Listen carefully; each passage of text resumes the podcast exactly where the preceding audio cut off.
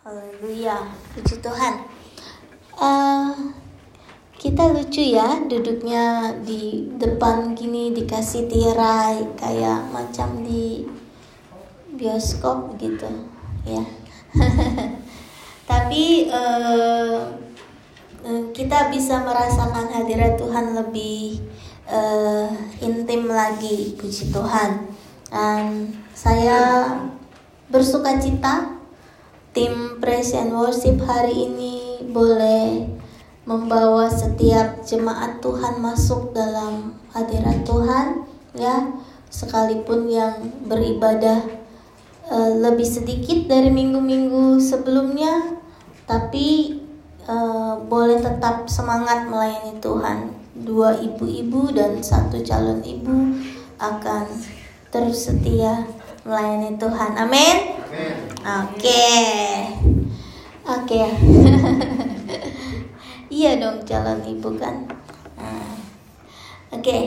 Uh, eh, tema firman Tuhan bulan ini adalah Christian Identity dan kita masuk di penghujung bulan. Ya, artinya udah yang terakhir. Dan kalau yang terakhir biasanya agak keras gitu. Uh, nggak bermaksud tapi ya emang begitu gitu. Nah bapak ibu saudara di minggu-minggu sebelum ini kita kan sudah sudah diajar apa sih identitas kita sebagai anak Tuhan? Apa yo? Pertama kali bapak bawa firman Tuhan bilang bahwa kita adalah anak bukan hamba. hamba Terus ada lagi apa?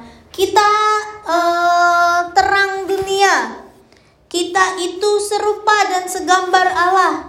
Kita adalah milik kepunyaan Allah. Kita adalah ahli waris Allah. Amin. Puji Tuhan, semuanya betul.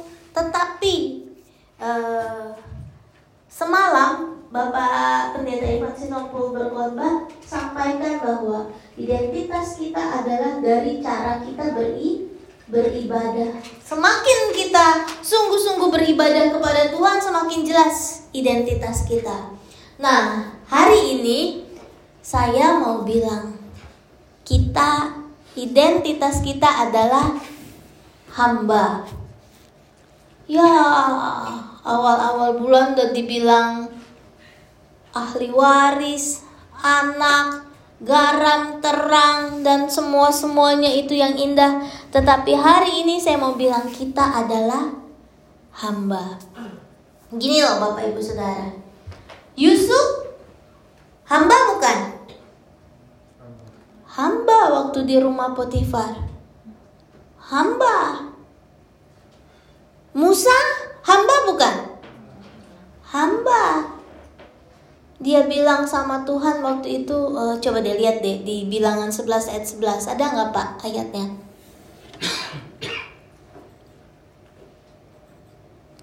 Lalu berkatalah Musa kepada Tuhan, "Mengapa kau perlakukan hambamu ini dengan buruk? Dan mengapa aku tidak mendapat kasih karunia di matamu sehingga engkau membebankan kepadaku tanggung jawab atas seluruh bangsa ini?" Jadi, memang kita melihat Musa adalah pemimpin yang membawa bangsa Israel keluar dari Mesir. Tetapi apa yang Musa rasa, dia adalah hamba. Dia bilang, Tuhan, mengapa engkau memperlakukan hambamu ini dengan buruk? Gitu. Jadi saudara, sometimes uh, sebagai leader entah itu di gereja merasa Tuhan kok begini? Leader di rumah tangga. Suami-suami langsung bahagia nih diomongin kayak gini. Aduh berat sekali jadi kepala keluarga itu. Tanggung jawabnya besar apalagi kalau sudah ada di Australia. Nggak kerja selesai satu bulan kan? Mengapa Katanya Musa begitu ya. Mengapa aku tidak mendapat kasih karunia di matamu? Bapak-bapak kalau pulang kerja terus istrinya marah-marah, dan sebagainya, apalagi istrinya melakukan hal yang jahat, dia ngerasa aduh beban yang aku tanggung terlalu berat.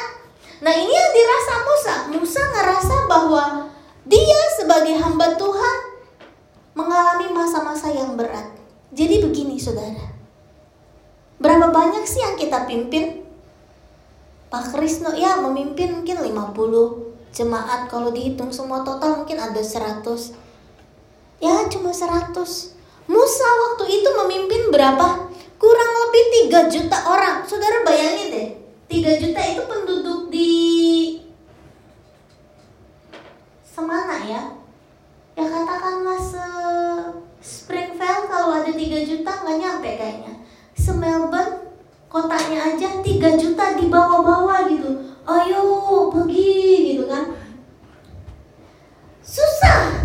Sediain minum harus berapa banyak? Sediain makanan harus berapa banyak? It's not easy. Makanya dia bilang sama uh, Tuhan, Tuhan ini terlalu berat bebanku ini untuk membawa seluruh bangsa keluar dari Mesir menuju tanah perjanjian berat. Dan Musa dengan sadar dia bilang, aku ini hambamu Tuhan. Tapi bebanku terlalu berat. Nah, sekarang sekarang kita kita lihat nih hidup kita. Siapa sih kita ini? Ngerasa bahwa kita nih perlu mengatur Tuhan. Tuhan, aku lakukan ini, lakukan ini, lakukan ini, berkati aku. Tuhan, aku sudah taat, sudah setia, sudah sungguh-sungguh, sudah melayani Tuhan. Tolong hidupku. Ih, emang kita sudah sehebat Musa apa? Mimpin lima orang aja pusing kepala. Ya kan? Mimpin keluarga yang cuma mama, anak dua anak tiga udah penat kepala tuh tanya deh Pak Emi deh untung nggak ada di hari ini atau Pak Krisno deh yang anaknya cuma satu dan istrinya cerewet super super duper gitu ya dan aduh Tuhan tak sanggup lagi boleh nggak nih refund katanya gitu terus kita ngerasa bahwa aku anak aku berhak mendapat berkat Aku ahli waris, aku berhak mendapatkan kasih karunia. Betul. Tetapi hari ini, di akhir bulan ini, mari kita lihat lebih dalam lagi. Sehebat Musa? Apakah kita setaat Musa? Apakah kita sesetia Musa? Sehingga kita bilang, Tuhan, ini yang sudah aku lakukan, ini yang sudah aku kerjakan. Tolong hidupku, tolong berkati aku. Tuhan, masa engkau tidak uh, mengindahkan aku. Saya rasa Musa mengatakan hal ini di hadapan Allah. Kalau Allah lihat dari atas mungkin bilang, oke okay, wajar. Musa repot bawa hampir 3 juta orang pergi keluar dari Mesir nyebrangin saudara bayangin deh saya kalau um, bawa firman Tuhan suka nyuruh-nyuruh orang ngebayangin karena ini penting Saudara bayangin, waktu dikejar-kejar sama Firaun mau nyebrang laut merah gitu ya, mau nyebrang nggak tahu, mau nyebrang tuh nggak tahu, belum tahu. Which laut nih, di depan laut, di belakang pasukan Firaun. Waduh, saudara, dia ketuk, laut terbelah, terbelah, ayo masuk 3 juta orang itu kan lama. Dan yang dibawa masuk itu menyeberang sungai apa laut Teberau itu bukan cuma orang-orang muda yang biasa kerja di farm gitu ya. Hmm. Cepet kerjanya bukan yang biasa packing. Hmm. Tangannya udah gini gini gini gitu. Cepet bukan yang biasa masak masuk hmm, dilempar gitu. Bukan ada anak kecil. Saudara lihat deh. Kalau kita nih di gereja sudah banyak bayi gitu ya. Uh, punya dua anak kecil. Aja udah repot punya tiga lagi udah tambah repot gitu. Terus mau nyebrang lagi saudara. Sung apa lautnya berau waduh ada nenek-nenek belum ayo nek. Iya betul. Ya nek. Capek nih katanya minta gendong yang muda eh males gendong nenek-nenek gitu kan apa nggak ada apa yang lebih cakep buat digendong gitu kan eh saudara saya kasih tahu ya, makin tua orang wanginya makin gak enak. Om Ivan ketawa kan? Berasa dia, makanya parfum Om Ivan paling banyak di kamarnya. Aneka rupa. Kenapa disadar makin tuh makin gak enak coba deh bapak misalnya deket-deket sama nenek sama kakek kita gitu ya oma opa kita. Uh, jangan oma opanya Gwen masih wangi banget gitu. Kalau oma opanya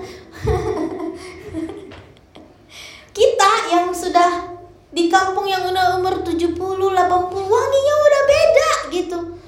Waktu muda wis apa Versace, Polo, uh, Burberry. Salah lagi ngomongnya ya kan? Uh, bur apalah itu gitu. Hmm. Hmm, ngikutin gitu. Coba nih balsem minyak kayu putih, coba minyak kutus-kutus. Masih pertama aja minyak kutus-kutus. minyak apa itu tuh yang baunya minyak telon nah itu masih wangi bayi bapak kalau udah minyak urut gitu aduh. Saya pernah urut kakinya om Ivan. Pakai minyak kutus-kutus. Tiga jam udah cuci tangan. Pakai sabun tiga jam. Kok nggak hilang? Hilang mana mau makan pakai tangan? Mau makan ayam pakai tangan gini. Hmm, campur-campur rasa kutus-kutus. Nenek-nenek ada tuh pergi keluar dari Mesir. Belum lagi apa? Bangsa Israel keluar dari Mesir beserta ternak ternaknya. Nah, lo tuh. Jadi tiga juta orang itu orang dewasa dan kecil. Nah, kambing, domba kan dikasih dalam orang Mesir dengan rela. Uh, uh, dan waktu mereka mau keluar dari Mesir, orang Israel bilang, "Yes, aku dapat persembahan emas dapat ternak wah nggak akan kekurangan. Tuh bayangin tuh bawa tuh. Nyebrang tuh sungai apa laut Teberau uh embe embe kecapean. Dikejar Firaun dari belakang. Mau gimana ini? Nih ditarik-tarik. It's not easy gitu. Kadang-kadang ketika kita membaca firman Tuhan kita melihat bahwa perspektifnya adalah Wow, Musa leader yang luar biasa. Wah, Musa membelah laut Teberau. Wow, Musa memberikan air, memberikan makan kepada Musa lah Tuhan Allah memberikan hukum Taurat 10 perintah Allah batu, dua loh batu. Wah, hebat Musa. But we have to remember, Cela. Dia adalah ham, hamba. Terus pertanyaannya, Lu siapa? Gue siapa? Apakah kita punya hal yang harus kita tangani sebanyak Musa? Kan enggak. Ya elah, baru juga tiga anaknya. Baru juga jadi supervisor di tempat kerja. Baru aja diangkat suruh bawa jemputin pekerja, apa namanya? Driver. Ya, udah ngatur-ngatur Tuhan kita itu hamba. Halo? Bahagia loh Bapak Ibu Saudara, suaminya handphone yang nggak di silent. Gembalanya lagi. ya saya. Tuh, masih bunyi lagi belum dimatiin juga. Ya saya itu hamba. Aduh, saya kalau bahas lagi saya panjang nih. Ya udah langsung disingkat aja ya. Yesus hamba. Musa hamba, Yesaya hamba, bahkan Yesus itu hamba. Coba Pak lompat deh ke Matius 12 Pak.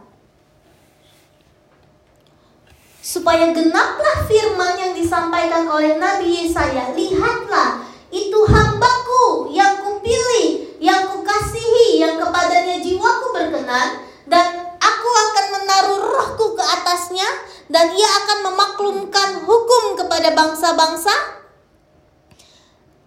Ia tidak akan berbantah dan tidak akan berteriak dan tidak akan mendengar suara mendengar suaranya di jalan-jalan dan padanya lah bangsa-bangsa akan berharap. Yesus itu siapa?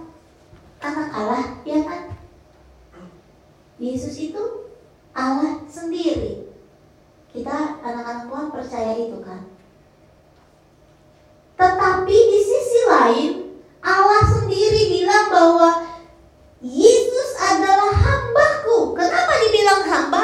Karena kelahirannya ke dunia, kedatangannya ke dunia tujuannya cuma satu, supaya mati di salib.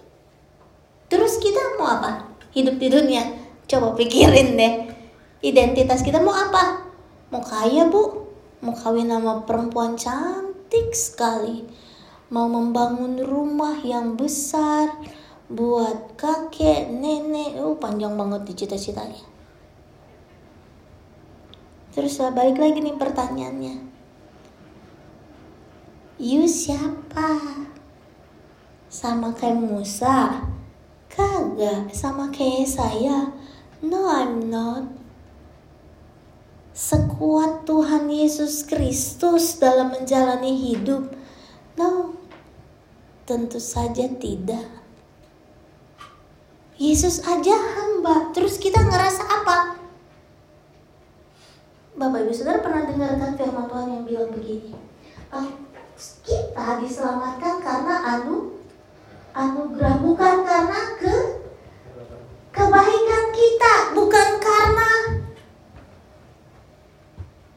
apa yang kita punya, bukan karena perbuatan baik kita. Kita diselamatkan karena anugerah. And then sudah dapat anugerah, yay, engkau diselamatkan gitu. Terus kita bilang apa? Tuhan, udah diselamatkan, thank you very much. I love you too, God gitu ya. Terus kita bilang lagi, tapi Tuhan, boleh dong saya minta rumah. Boleh dong saya minta uang di rekening saya tambah hari tambah banyak. Boleh dong Tuhan saya dapat jodoh yang sesuai sepadan dengan cita-cita semua orang. Boleh dong saya punya kereta yang lebih bagus, punya mobil yang lebih bagus. Boleh dong. Terusan bilang, diselamatin aja udah bagus tuh ya gitu ya minta ini, minta itu, mengatur Tuhan sedemikian rupa. Kontradiktif ya. Di awal bulan ngomongnya kita anak, kita ahli waris. Sekarang ya hidup harus be balance. Kalau ngomongin berkot, berkot, berkot, berkot, nanti jadi besar, besar, besar, besar gitu. Sekali-sekali ngomong apa yang harus kita lakukan sebagai anak-anak Tuhan. Paulus Paulus hamba Alkitab Perjanjian baru hampir separohnya ditulis sama Rasul Paulus. Tapi Paulus bilang, "Aku hamba." Bapak Ibu Saudara, tahu? Kita kalau ngomongin Yesus, Yesus Tuhan. Rasul Paulus, uh, Rasul Paulus pinternya bukan main. Hafal kitab Taurat luar biasa. Tapi dia bilang, aku ini hamba. Terus kita udah bikin kitab apa? Di hari. Hai. Diari. Waktu kecil saya suka nulis diari, saudara. Hai diari. Hari ini aku sedih deh, gitu ya. Aku rasa gitu dia jahat sama aku mama papaku marah gak ngerti aku bukan nulis kitab nulis diary. Nggak nggak relate ya yang anak-anak zaman sekarang. Nulis status di Facebook di Instagram. Di apa lagi? Status WhatsApp. Wah ditulis. Wah. Bukan nulis kitab itu. Tapi kita bilang waduh Tuhan. Boleh dong Tuhan tolong hidupku. Nah kita akan masuk ke inti firman Tuhan. Panjang amat bu prolognya. Eh suka-suka saya yang khotbah. Efesus 2 ayat 10.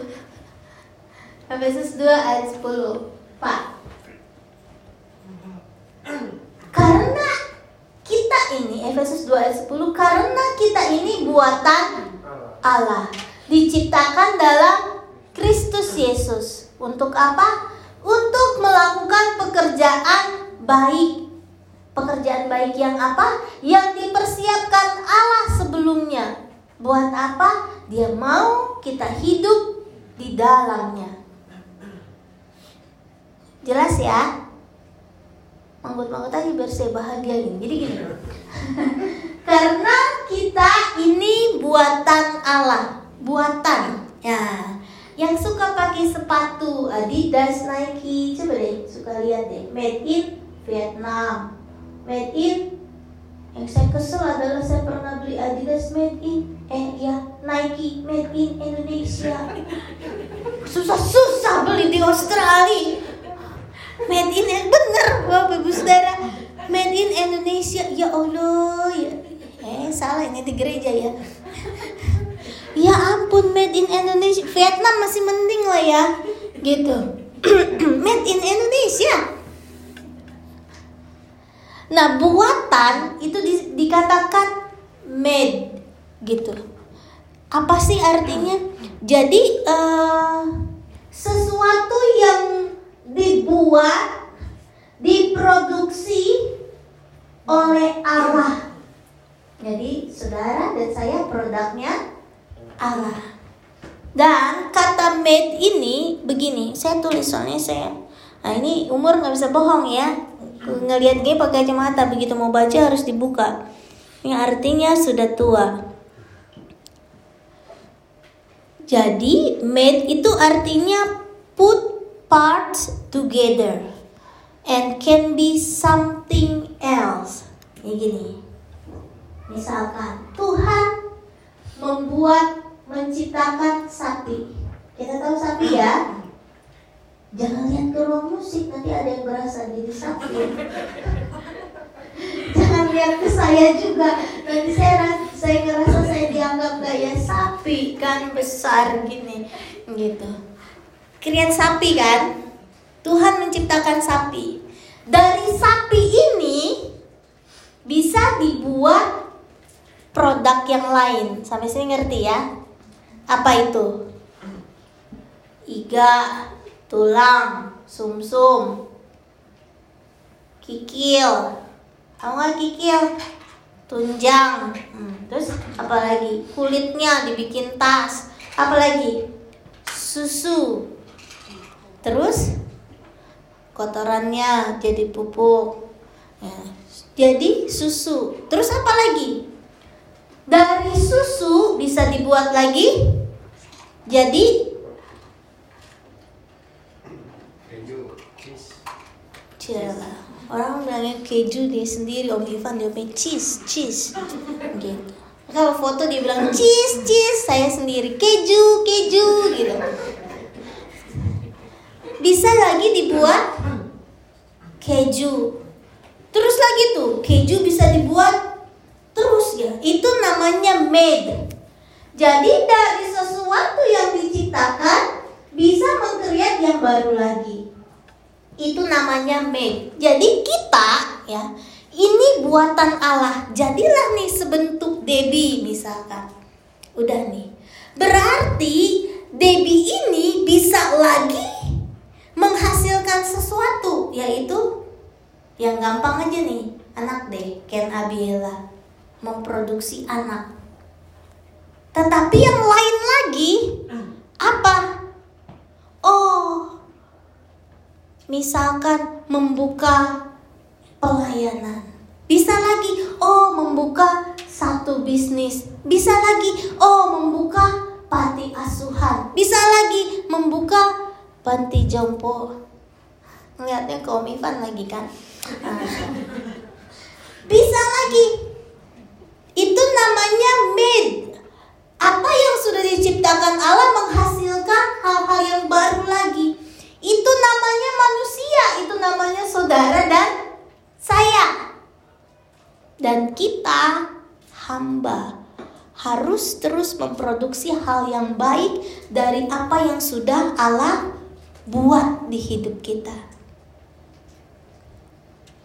Diciptakan dalam Kristus Yesus untuk melakukan pekerjaan baik. Nah, sudah dibuat sama Allah, sebentuk Dewi terus di situ dibilang diciptakan dalam Kristus Yesus. Nah, di sinilah ketika sudah ada di dalam Kristus bisa dikreat oleh Yesus diciptakan dalam Kristus Yesus itu artinya apa? Created in Christ bring something to existence. Jadi uh, menghasilkan sesuatu untuk memperlihatkan keeksistensi annya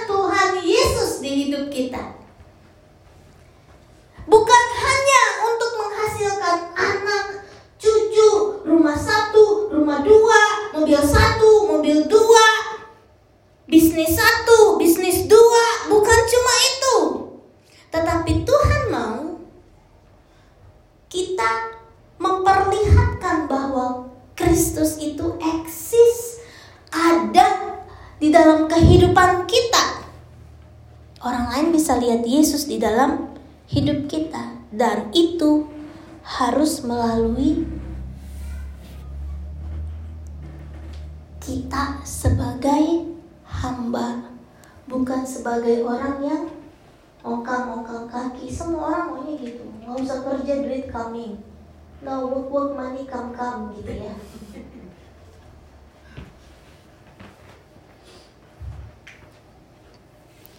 Terus di situ dibilang apa untuk melakukan pekerjaan baik. Jadi kita diciptakan dalam Kristus Yesus, created in in Christ untuk melakukan pekerjaan baik. Pekerjaan baik apa, Bu? Ya, sekarang kita semua punya pekerjaan kan? Ada yang ibu rumah tangga, ada yang kerja di uh, pabrik, kilang, di mana-mana pun apa yang kita kerjakan, yaitu pekerjaan baik yang dipersiapkan Allah sebelumnya, tetapi lebih dalam lagi, gini, di situ ada yang dipersiapkan Allah sebelumnya. Yang dipersiapkan Allah sebelumnya. Ada yang harus kita pikir nih. Jadi yang saya kerjakan sekarang ini ini pekerjaan yang dipersiapkan Allah apa bukan ya? Ngerti gak nih? Jangan bengong-bengong gitu dong yang kita kerjakan sekarang ini apakah sesuatu yang sudah dipersiapkan Allah sebelumnya? Enggak bu, saya mau ke Australia saya sendiri punya mau, uh saya nabung lama, uh saya mau ke sini, mau kerja mau cari duit, uh supaya nggak ada lagi orang yang hina saya, karena gitu kan, lu sakit saudara. Tetapi ada ternyata yang sudah dipersiapkan Allah sebelumnya. Jadi setiap kita yang hidup punya purpose, punya tujuan kenapa Allah buat, Yesus ciptakan. Jadi di, di, diciptakan Allah, kemudian diperbarui, di in Christ. Jadi dari diciptakan Allah lahir sebentuk bayi, kemudian bertumbuh di dalam Kristus, created in Christ untuk melakukan pekerjaan baik yang sudah Allah persiapkan sebelumnya. Hidup kita bukan untuk mencapai tujuannya kita. Tujuannya saya apa kalau udah hidup kalau waktu masih muda? Wah, mau cari kerja yang bagus. Udah gitu, masa kerja mulu ya? Kawinlah kawin gitu oh cari pacaran. Oh udah ketemu nih. Oh kawin. Udah kawin? Ya. Harus nambah tujuan hidup. Gedein anak nih. Melahirkan punya anak. Oh gedein lagi anak. Nah kalau hidup kita begitu muter muter aja di situ. Kita harus tahu bahwa setiap kita diciptakan untuk sesuatu yang sudah Allah persiapkan sebelumnya. Not only about our family, not only about our future, tapi ada hal besar yang Allah sudah uh, bukan sedang sudah persiapkan. Jadi Debbie ini diciptakan Tuhan buat apa sih? Om Infan tuh diciptakan Tuhan buat apa sih? Ya Allah udah tua begini ditanya. Tapi kalau memang belum ketemu, ya harus dicari. Buat apa Tuhan ciptain? Buat petik anggur di farm? Of course not. Saya bilang, bukan om.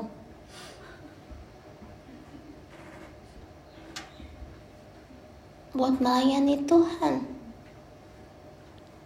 Gak usah lagi petik-petik anggur om. Cabut-cabut rumput aja. Sama aja dong bu ada yang Tuhan ciptakan. Tujuan hidup kita tuh ada sebetulnya. Selain kita membangun rumah tangga, membangun masa depan kita, tapi ada loh yang Tuhan mau supaya kita kerjakan di hidup kita. Sehingga ketika kita menjadi almarhum ya ada di dalam peti mati tangannya dilipat, pegang Alkitab, baju putih kalau perempuan, kalau laki-laki pakai jas lengkap, padahal selama hidup aja nggak pakai jas gitu ya. Begitu masuk peti pakai jas rapi gitu, tangannya di dada peluk bawa Alkitab. Padahal selama hidup Alkitabnya ada di atas lemari berdebu. Gitu masuk peti bawa Alkitab loh Saudara. Dimakan rayap lagi di dalam kuburan kan dan orang-orang bilang wah dia orang baik. Dia yang tolong saya waktu hidup saya susah. Dia orang baik. Kalau nggak ada dia saya nggak punya pekerjaan. Dia orang baik. Kalau nggak ada dia uang saya nggak ada yang ngutangin. Deh salah. Jangan sampai kita dikenang seperti itu. Ini orang nih banyak utangnya sama saya. Sekarang dia terbaring kaku bukan begitu yang kita mau dikenang dalam hidup. Ini orang yang tolong saya. Ini orang yang uh, ketika kita pergi menghadap Tuhan banyak orang yang bilang aduh kalau nggak ada dia gereja ini nggak ada. Oh kalau nggak ada dia pelayanan ini nggak ada. Kalau nggak ada dia oh saya nggak bisa sekolah. Itu yang Tuhan mau. Yang sudah Tuhan persiapkan bukan cuma sebatas oh ya saya tetangganya saya pernah lapar nggak punya beras. Saya ketuk pintu rumahnya dia di dalam tapi dia nggak buka pintu. Saudara saya tinggal di kampung. Mama saya tuh kadang-kadang kan masak seukuran anak anak-anaknya aja.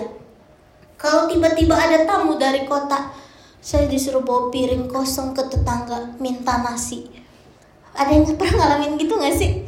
Apa saya doang yang tinggal di kampung. Suruh minta nasi bobo piring di belakang terus nggak boleh kelihatan tamunya. Kasih makan tamu yang ribet banget. Ngalamin gak sih saudara terus harus lewat samping rumah. Jangan sampai kelihatan piringnya. Ke tetangga minta nasi gitu. Ya, terus tetangganya nggak punya lagi dikerukin dari tempat nasinya krok krok bunyi gitu. Bawa-bawa lagi gini gini lagi lewat samping rumah supaya nggak kelihatan tamunya gitu. Kita punya hidup harus ada tujuannya jelas bukan cuma buat diri kita. Memang kebanggaan orang tua adalah ketika anak-anaknya berhasil tetapi nggak cuma itu. Tujuan kita adalah ketika akhir hidup kita semua orang yang ditinggalkan tahu hidupnya sudah bermanfaat, hidupnya sudah berguna. Ini Bapak Ibu Saudara waktu papa saya meninggal, itu yang datang sudah gereja pendeta semua gitu. Tuh orang-orang yang lagi merokok, terus wah udah pokoknya itu yang kulit hitam, hitam banget gitu ya. Tatonya, tuh ya mah, yang ngomong pakai bahasa Sunda ini si papa Kenapa, kenapa meninggal? Siapa yang beliin saya rokok? Astaga. Pendeta. Pendeta lagi hidupnya ada orang main sama preman-preman di depan gang terus beliin mereka rokok sah siapa tuh pak yang nanti beliin saya minuman katanya astaga dia beliin juga minuman tetapi terkenang apa yang dilakukan dan sehingga orang itu ya dari uh, agama yang berbeda dari kepercayaan yang berbeda datang masuk ke dalam gereja. Dan mama saya punya doa semua orang yang masuk gereja apa pun agamanya suatu saat bakalan ada di dalam Tuhan katanya. Jadi yang masuk nelayan papa saya itu ada orang preman bawa-bawa rokok masuk ke dalam gereja. Biarin aja masuk. Aduh pak Kenapa meninggal? Siapa yang beliin saya rokok nanti? Siapa yang saya beliin minum nanti? Katanya gitu. Terus saya saya datang udah agak malam kan dari dari uh, Melbourne. Saya garu-garu kepala. Oh ternyata ini kok dikirimin duit. Dia pakai ini duitnya gitu. Tetapi ada tujuan memperkenalkan Kristus. Bapak Ibu Saudara begini. Yesus duduk nggak sama orang berdosa? Yes tapi dia tidak melakukan dosa. Duduk gak? Duduk. Membiarkan nggak orang lakukan dosa? Ya udahlah, orang belum mengerti, masih kecil. Imannya masih kecil, ya udah gitu. Ada tujuan hidup yaitu apa? Memperkenalkan Kristus hidup di dalam hidup kita.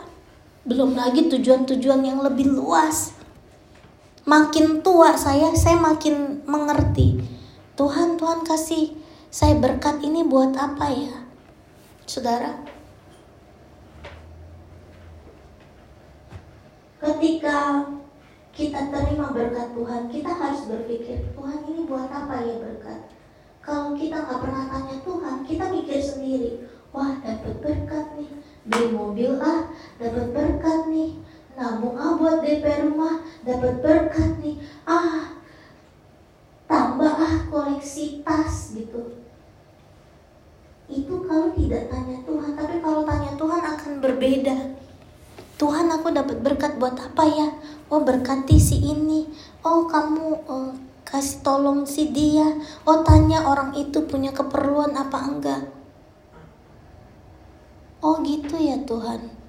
Jadi pertanyaannya saya kapan punya rumahnya Tuhan? It's my business kata Tuhan. Ketika kita tahu bahwa hidup kita milik Tuhan, kita ini hamba, hidup kita akan berbeda. Bukan semua punya kita.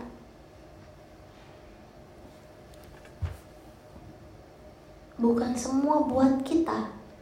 Tapi ada maksudnya Tuhan dari apa yang harus kita kerjakan di dalam hidup kita. Hidup di dalam kehendaknya Tuhan. Apa sih yang Yesus lakukan sebagai hamba Tuhan? Yesus mengajar, Yesus melakukan mukjizat, Yesus bergaul dengan orang berdosa, tetapi dia tetap ada dalam kekudusan. Nah, ayat terakhir Bapak Ibu Saudara, kalau sesatu ayat 10. Hore terakhir, tapi saya akan ngomong kira-kira setengah jam lagi. Satu, kalau sesatu ayat 10. Sehingga hidupmu layak di hadapannya dan berkenan kepadanya dalam segala hal. Jadi, hidup kita ini tujuannya supaya layak di hadapan Tuhan, bukan di hadapan bos, bukan di hadapan atasan kita, bukan di hadapan pendeta kita, bukan di hadapan orang tua kita tetapi di hadapan Allah. We can hide our sin from our partner ya kan kita bisa sembunyiin dosa kita dari pasangan kita dari orang tua kita dari jemaat kita. Kita bisa sembunyikan dosa kita. Tetapi kan Tuhan tak tahu. Jangan posting supaya nggak kelihatan. Bisa nggak? Kelihatannya kudus aja gitu. Haleluya haleluya terus. Hidup kita layak di hadapan Tuhan berkenan bukan cuma layak tapi berkenan kalau layak itu oke okay, kamu layak dapat 100 dolar hari ini tapi kalau berkenan artinya kamu bisa ambil apa yang kamu mau itu namanya berke berkenan You can take it everything you want. Itu namanya berkenan. Dan kamu memberi buah. Memberi buah. Memberi buah itu apa? Jadi berkat. Kan buah anggur bukan cuma berbuah di tahun itu aja kan? Walaupun pergantian musim dia kering kerontang nanti bertumbuh lagi tahun depan menghasilkan buah lagi nggak? Menghasilkan. Dua tahun lagi menghasilkan buah lagi nggak? Terus menerus itu namanya memberi buah. Yang makan tadinya awal produksi pertama itu buah berbuah yang makan mungkin sekitar Victoria. Ya kan? Tahun berikutnya menyebar ke oh yang makan anggur ini ke New South Wales ke Perth ke mana. Lama-lama menyebar lagi. Wih sampai ke Indonesia dan sebagainya. Dari pohon grape di Lilydale ya om Pak ayatnya jangan dihilangin saya nggak bisa lihat. Nah, berbuah dalam segala pekerjaan baik. Yang baik bukan yang jahat. Semua orang harus mengingat saudara dan saya sebagai hamba. Hamba yang baik. Bukan hamba yang suka ngutang, bukan hamba yang suka nipu orang, bukan hamba yang uh, jahat, bukan hamba yang nggak tahu terima kasih. Kan kita suka dilabelin gitu. Harus diganti hamba yang baik, yang melakukan pekerjaan baik. Apa pun yang menjadi pekerjaanmu, kerjakan dengan baik dan Tuhan lihat itu. Bertumbuh dalam pengetahuan yang benar tentang Allah. Jadi gini, hidup kita berbuah menjadi berkat buat orang lain. Bos kita diberkati, customer diberkati, teman kita diberkati, gereja diberkati because of our life sebagai hamba Tuhan. Terus setelah itu kita juga tidak berhenti tumbuh dalam pengetahuan tentang Allah itu yang Tuhan mau bukan cuma jadi orang baik aja kalau orang baik aja mah salam kebajikan. Nafi tahu tuh. Jadi orang baik. Semut aja nggak boleh dimatiin. Kalau keinjek gimana gitu. Tapi harus tumbuh dalam pengetahuan yang benar tentang Allah. Bukan cuma wah punya harta disebar sebar sebar. Tapi tidak punya pengetahuan Pengetahuan tentang Tuhan didapat dari mana It's okay kalau saudara males baca Alkitab. Wah enak banget tuh. Bergereja lah di GPDI Melbourne. Boleh nggak baca Alkitab? Beribadah, dengar firman Tuhan. Sekarang kan udah banyak tuh, bosen Ibu Debbie banyak gitu aja. Dengerin YouTube apa terserah asal jangan denger yang sesat ya. Kalau di YouTube kan enak wah ya, kayaknya firman Tuhannya nggak cocok buat saya ganti ini oh nanti kok di gereja kan mau duduk aja di situ. Ibadah semalam Pak Ivan Sitompul bilang jadi pengetahuan yang benar tentang Allah didapat di di gereja di rumah Tuhan bukan di YouTube. Kenapa? YouTube itu hiburan jadi kayak makan treats makan makan treats makan permen dessert manis-manis. You can take it that from YouTube from Facebook Instagram dan sebagainya tapi main course ada di gereja. Kenapa? Ada yang gak suka kan dengar khotbah saya, tapi ya udah masuk duduk duduk aja lah dengerin makan deh tuh firman Tuhan. Suka gak suka makan deh tuh. Itu namanya main course. Kan kita yang jadi ibu-ibu sering kan? Nah, ling-ling apalagi. Gue abisin dulu nasinya, baru nanti mami kasih Oreo treatsnya belakangan. Ya gitu. Terus dia karena dia mau oreo dengan kesel dia makan nasinya tuh. But it's good for hidupnya anak kita ya kan? Buat kesehatannya anak kita ya kan? Tapi habis itu ya udah kasih treatnya sesuai janji. Itu pun kalau Mei apa lagi dia itu banget sama anaknya. Nggak boleh banyak banyak gue kasih permennya. Hmm, digigit dulu separuh separuhnya kasih anaknya. Nggak boleh banyak-banyak sugar rush katanya. Okay. sih itu jahat buat orang tua yang kasih kebebasan. Ih gitu banget sih Max. Eh permen anaknya aja dimakan. Ih gitu. But it's good for kesehatan anak kan? Tuh nggak? Buat dia bertumbuh kan? Itu nggak? Iya anaknya nggak ngerti oh. Saudara sekarang nih nggak ngerti nih ibu Dewi kuat apa udah telan aja. It's good for your health. Nanti kalau mau cari yang lucu-lucu setel tuh Gilbert Lumoindong ya. Apa Lumoindong yang lain? Johan Lumoindong Regi Lumoindong ya. Setel itu. Pengetahuannya benar makanya gereja kita ada tema. Kenapa belajarin itu tentang identitas Kristen selama satu bulan. Uh, uh, uh. It's good for pertumbuhan pengetahuan tentang Allah. Bukan yang kemudian ketika pulang gitu. Doanya nggak dijawab, aduh. Masalahnya datang, aduh. Enggak. We have to realize bahwa Tuhan Yesus datang untuk mati di salib. Kita pun ada di dunia ini untuk menjadi berkat buat orang lain dan punya pengetahuan yang benar tentang tentang Allah. Kita udah ditebus Tuhan. So kita jangan hidup suka-suka kita. Tuhan aja nggak hidup suka-suka Tuhan. Yesus menyalibkan kedagingannya untuk menebus kita. Terus kita nggak ditebus. Thank you Lord, suka-suka ah, yeah, gitu nggak gitu. Kita tiap orang punya tujuan hidup. Tuhan itu baik sama kita sampai hari ini. Kita berlaku jujurlah di hadapan Tuhan. Sebaik apa sih seorang Debbie? Not really really good enough untuk jadi pendeta, untuk jadi orang baik. It's not good enough.